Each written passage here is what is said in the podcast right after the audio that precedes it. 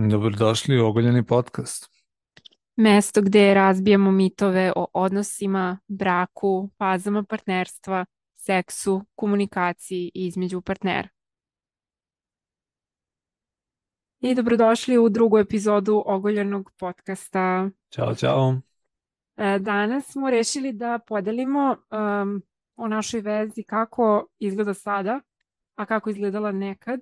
I evo da, da kažemo odmah kako smo pre par dana proslavili devetu godišnjicu kad smo zajedno. Bravo. Bravo. A um, gotovo 7 godine kako smo u braku, u junu slavimo sedmu godišnjicu braka. Još veće bravo za to. Puno smo prošli uh, i danas želimo da prođemo dakle, te neke ključne stavke kako mi trajemo dugo i to ne samo dugo, nego zaista, zaista kvalitetno. Mm, nekako osjećamo da živimo jedan jako, jako zdrav, lep odnos, bogat odnos i zabavan odnos na dnevnom nivou. Da, možda krenemo sa stvarima kako danas izgleda naša veza.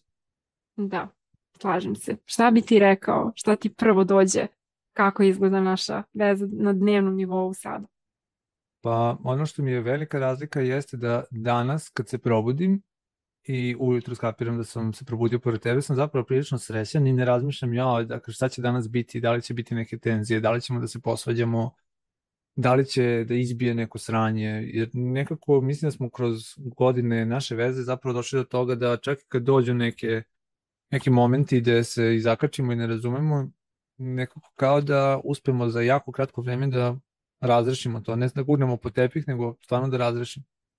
Da, da. Ja, ja bih rekla da smo postali masteri reparacije, odnosno tog procesa, e, da kažem, popravke ili ujedinjenja nakon svađe, koje je normalan deo veze, jel, svake, da nakon bilo kakvih e, momenta kad nismo na istoj strani, se vratimo na istu stranu i da to prođe neokrenjeno. I to je zaista onako veliko bogatstvo i nakon takvih trenutaka čak osjećam koliko smo bliži i koliko je naša ljubav zapravo sve veća. Da, hoćeš da možda damo neki primjer, eto možemo od juče. može, može. Ja sam juče imala onako neki malo malo teži dan, da li zbog hormona, da li zbog vremena, nemam pojma, bolela me glava. Baš sam bila nekako nervozna i tu smo radili po kući neke stvari, ono, random, svakodnevne stvari. I u jednom momentu me Marko, ono, stao i rekao, ok, zašto me non stop ono ubadaš? A meni je smetalo, ne znam, smetalo mi prosto kad, kad tako postanem iritabilna, onda mi smetaju neke sitnice, smetaju mi poput ono kako puniš mašinu za sudove, zašto je ovo ovako, zašto onako. I evo iskreno mogu da kažem, to bi ranije stvarno bilo taj moj, moja perfekcionistička strana sa kojom se nosim i sa kojom ono godinama već radim i učim kako da je opustim i da, da prosto taj deo sebe uh, ponegujem E, da ne tražim savršenstvo u sebi i u drugim ljudima. Um, danas se prikaže kroz tako neke momente kada sam prosto, m, da kažem, nervozna, možda osjetljivija i slično. I e, to izgledalo tako što sam zaista ga bockala. On me pozvao na odgovornost, bio fazon, ok, šta radiš, to zašto to radiš? I šta bi dodao? Dodao bi da, da zapravo sam primetio da me bockaš i primetio sam da, da, da ti nije dan I onda kad se već desilo drugi, treći put sam bio fazon, ok, draga, najde, molim te diši. I ajde obrati pa, posle disanja obrati pažnju na svoj ton. Ne znam šta je, ali već, već neki put me, me ubadaš bespotrebno. Ok, možda ti nešto smeta, ali to nije moja odgovornost, nisam ja kriv za tvoje iskustvo koje ti doživljavaš time što gledaš kako ja nešto radim.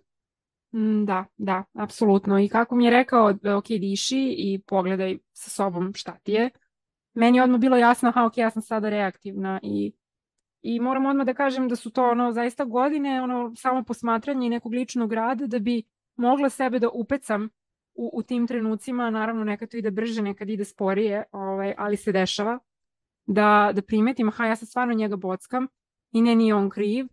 I realno ova situacija mi juče možda uopšte ne bi smetala, a, a sada me nešto iritira. Daj da vidim šta je to i odmah sam rekla, da, baš sam se danas ukomila nešto na tebe, izvini, zaista, ne znam zašto je to tako.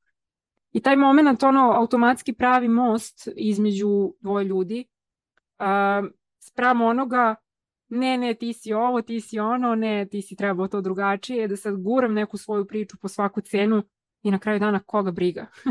Kako su sudovi u mašini i, i, i ostale sitnice. Da, i, i nekako ranije bi tu bilo i neke generalizacije ti uvek ovo ili ti si uradila tako ili ja, mm. ono, ne, nebitno, nebitno da li u mom smeru ili ka Draganinnom smeru, bilo je dosta generalizacije koje dolaze iz neke neuzemljenosti te strane koje zamera.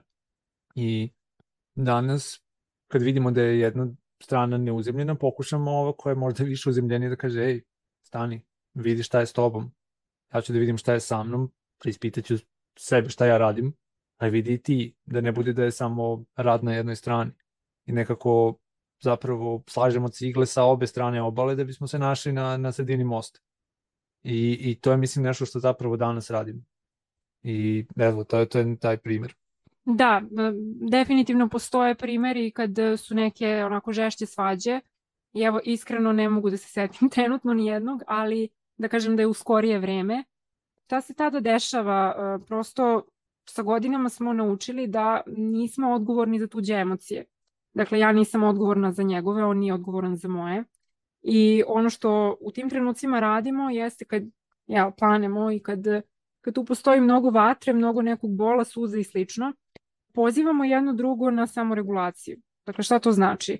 Ok, vidim da nisi svoj, vidim da si potpuno ispao iz svog centra, idi tamo, pozabavi se sobom, da li ćeš da, ne znam, lupaš sekiru od drvo, da li ćeš da udaraš u jastuk, da li ćeš da radiš šta god da ti treba, da se istračeš, iskačeš i slično, da li ću ja da se isplačem, da li ću da, ne znam, oslobodim svoje emocije, puno radimo sa emocijama, tako da pričat ćemo sigurno ovaj, o raznim nekim i tehnikama u narednim epizodama, ali u suštini e, poenta je dakle da kada se vratimo, kada, kada procesuiramo te emocije, onda se nalazimo da pričamo, onda komuniciramo iz jednog potpuno drugačijeg mesta, odrasle, centrirane osobe i ne projektujemo svoje emocije na onog drugog. Da, ja samo, samo teo da napomenem to kada procesuiramo svako svoje u tom procesuiranje emocija, da li besa, tuge, a, da, da li to izbacivanje na jastuk ili šta god već, to radimo tako da i ta osoba koja radi se osjeća sigurno da ne bi sama sebe povredila, da ne bi uništila bilo koji deo inventar kuće ili da, da ne bi povredila drugu osobu. Tako da dajemo prostor jedno drugome, što isto nije došlo odmah na početku. Meni je bilo prilično teško da budem pored Dragane, a da, da ona plače i procesuira svoje stvari, a da ja budem samo tu uz nju.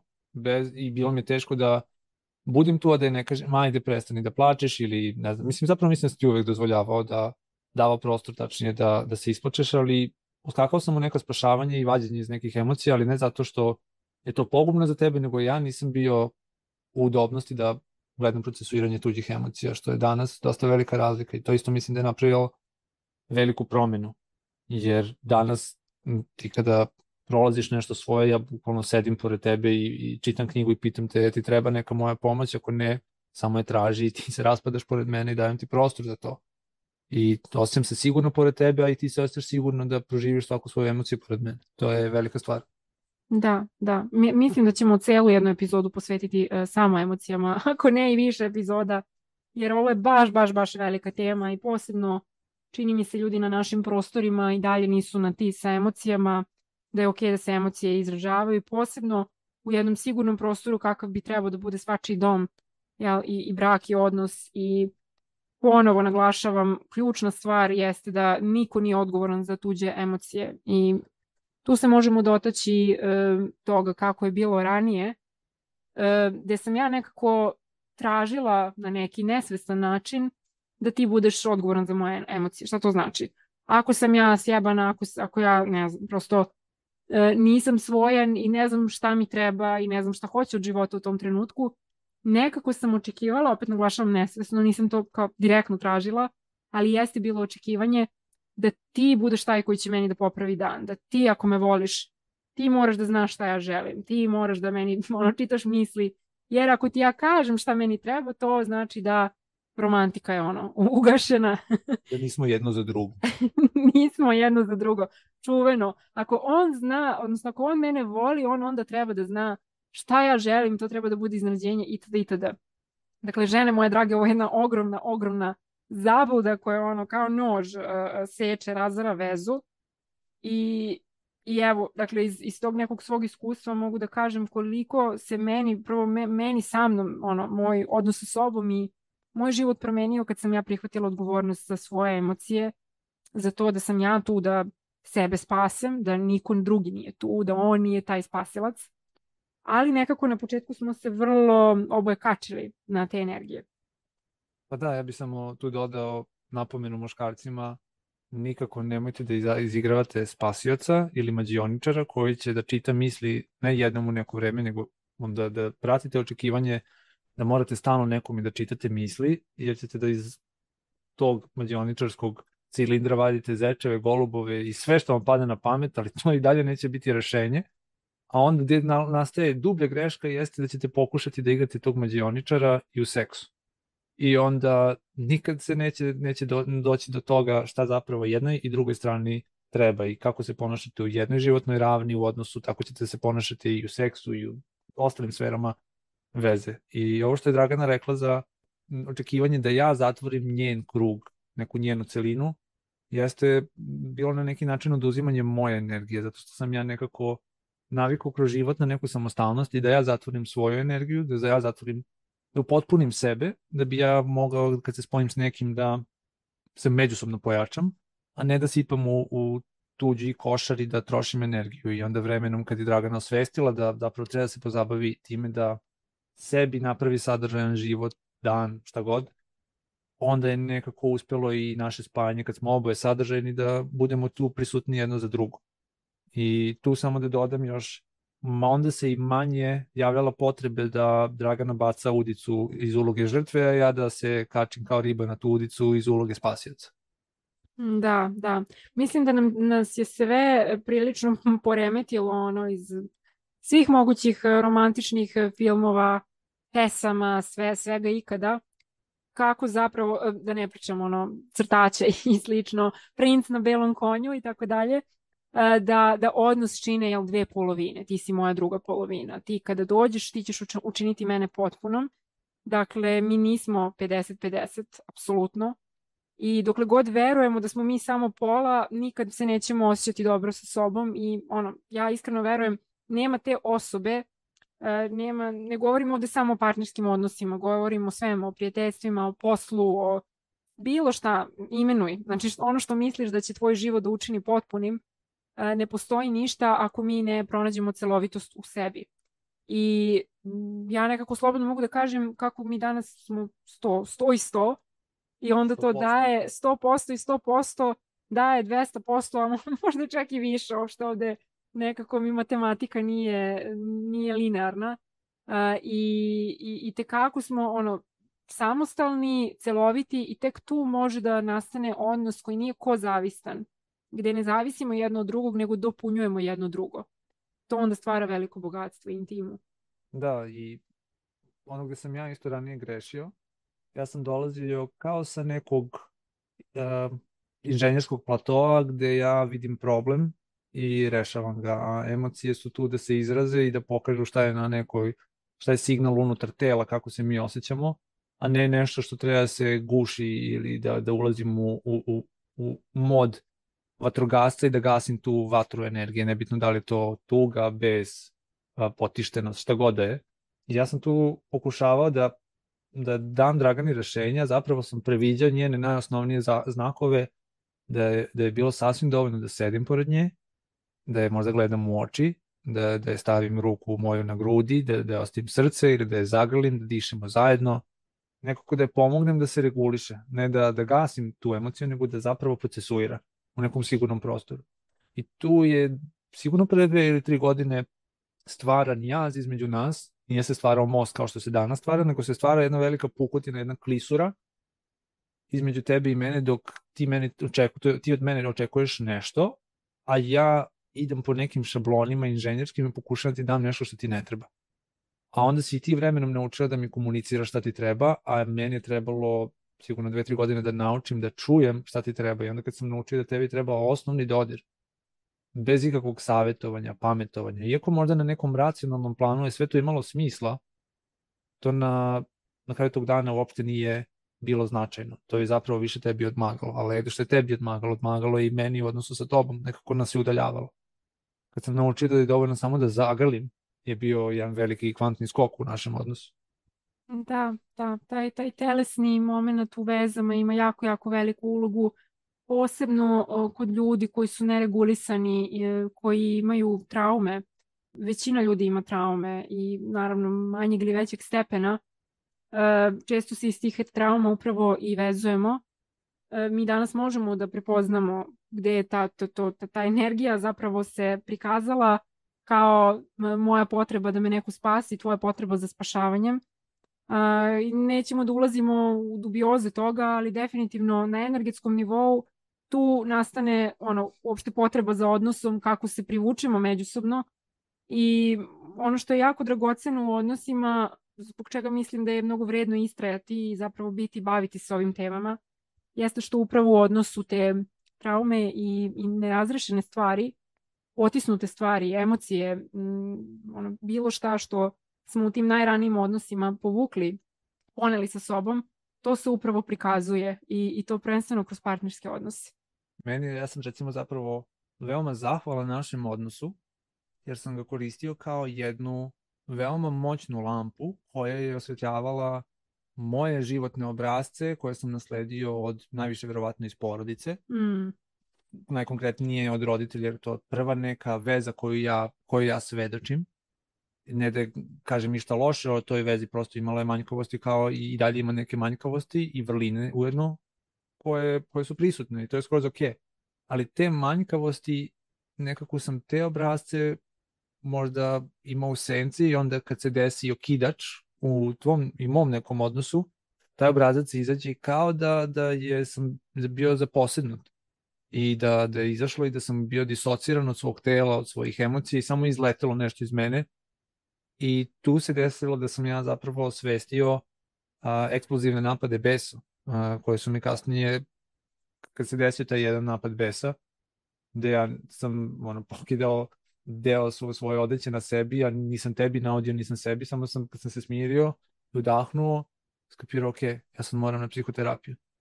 I to je meni bio prvi jak signal, ok, da nije ove veze, verovatno nekad kasnije bi ovo izbilo, ali ova veza i to što ti ja smo tad imali, ako možda nije bilo kvalitetno kao danas, mi je pomoglo da skapiram, ok, ovo je sad trenutak, kad se sa nečime baviš i dalje ne možeš sam. Ne možeš ni sa Draganom, tu je Dragana da ti osvetli neke stvari, ali o, ovo mora neko da te vodi kroz ovaj proces. Tako da sam i zbog toga zahvalan. Uf, ajde da udahnemo. A, A, da. ovo, je, ovo je baš veliko i baš, baš onako uh, treba baš ovako ovde zabusti ono jedno, ono kako se to zove? Čiodu. Čiodu. Ključ, ključna tačka uh, da, da, nisam ja bila odgovorna za tvoj bes potisnuti, niti ti bio odgovoran za moju anksioznost, ali smo bili svetionici jedno za drugo da možemo da učimo da je to već u nama i da svako time treba da se bavi. I to je upravo ono što odnos radi. Dakle, nije tu da nas učini ono najsrećnijim na svetu bez da se bavimo sobom, nego bukvalno da nam pokaže e, tačke slabosti, senke i e, one delove nas koje nam je možda teško da pogledamo, koje ne možemo, kao što svoju senku, jel, ne možemo videti, potrebno je e, neko da uperi svetlo da bismo mogli da je primetimo. Bukvalno to radi odnos. I jako, jako je dragoceno kad iskoristimo odnos na ovaj način.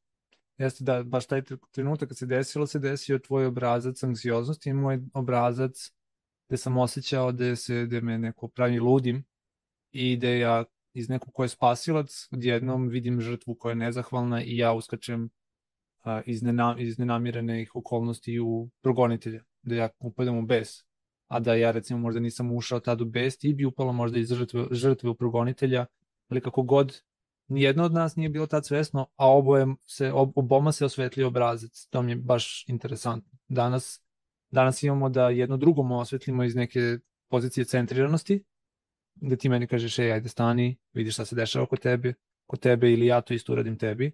A tad smo oboje ušli u obrazac i onda smo skapili, ujebote, mm. vidiš šta radim. Da, da. Ko, ko, kome nije poznato, ovaj, poznata te, terminologija žrtva, progonitelj, spasilac, googlajte od drame.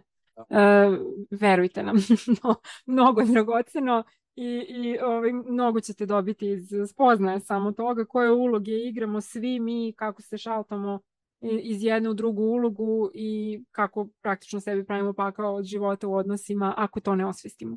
Da, na kraju dana se može, kad se uzemljimo i kad izregulišemo svoje emocije, da odaberemo, e, ja ne želim više da se igram u ovom trouglu drame i da lepo iskoračimo, jer to i nas pašava i ostale osobe u trouglu drame, da osobe u koje su ostale u trouglu drame kao da gube smisao, zato što ta predstava više nema ključne, ključne likove u kojima će da se igraju. I to smo, to smo nekako osvestili u našem odnosu.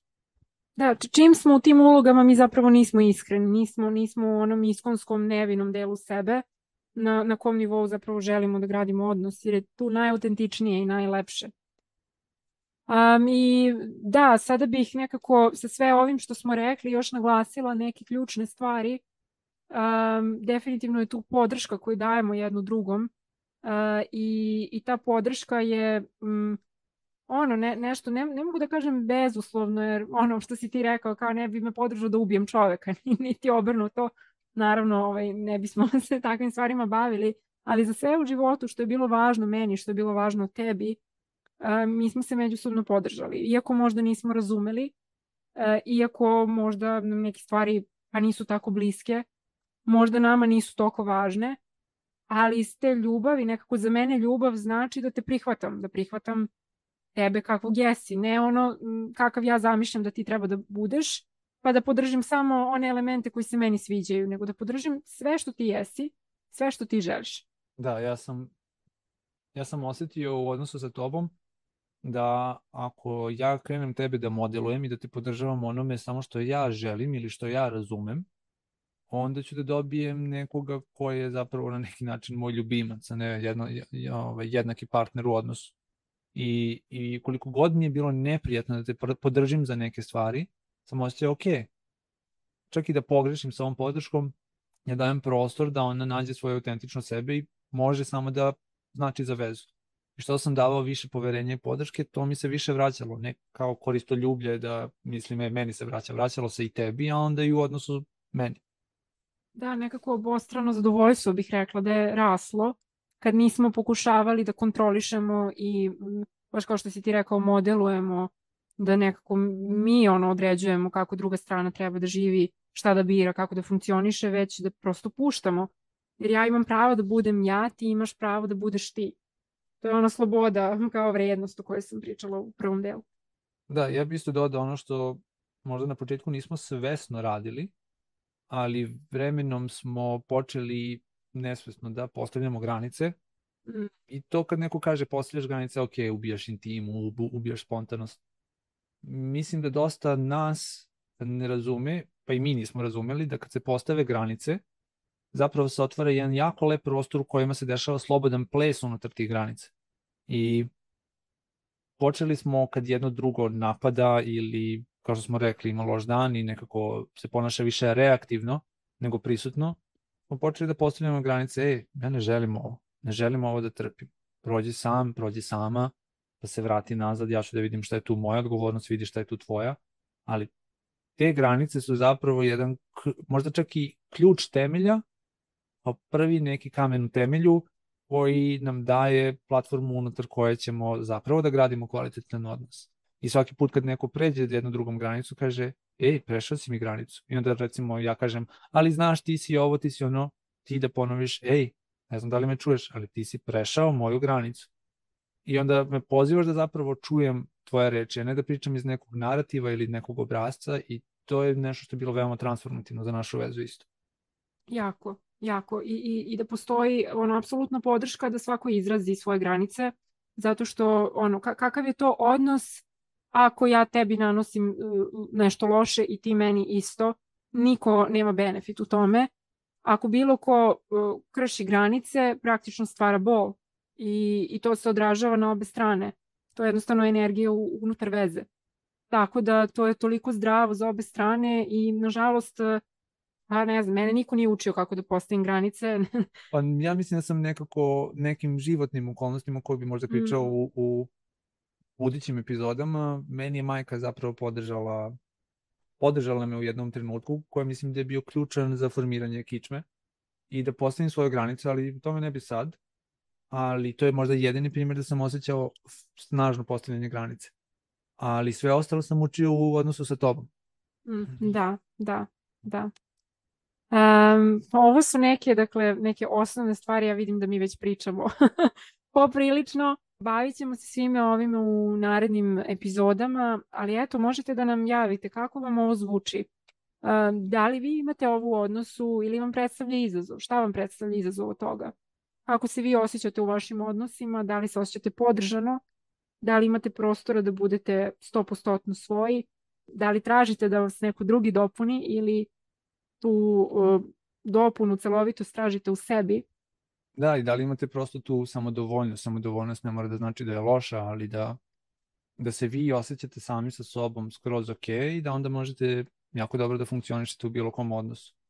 I isto ako ima nešto što mi nismo rekli, a vi mislite da vašem odnosu mnogo služi, isto smo veoma radi da čujemo i vaše iskustva. Tako da možete da nam pišete opet na naše Instagrame. A, Dragana Baroš, Lightwork by Dragana i na Marko Baroš Hyperion Ninja. Čujemo se uskoro. Hvala, ćao.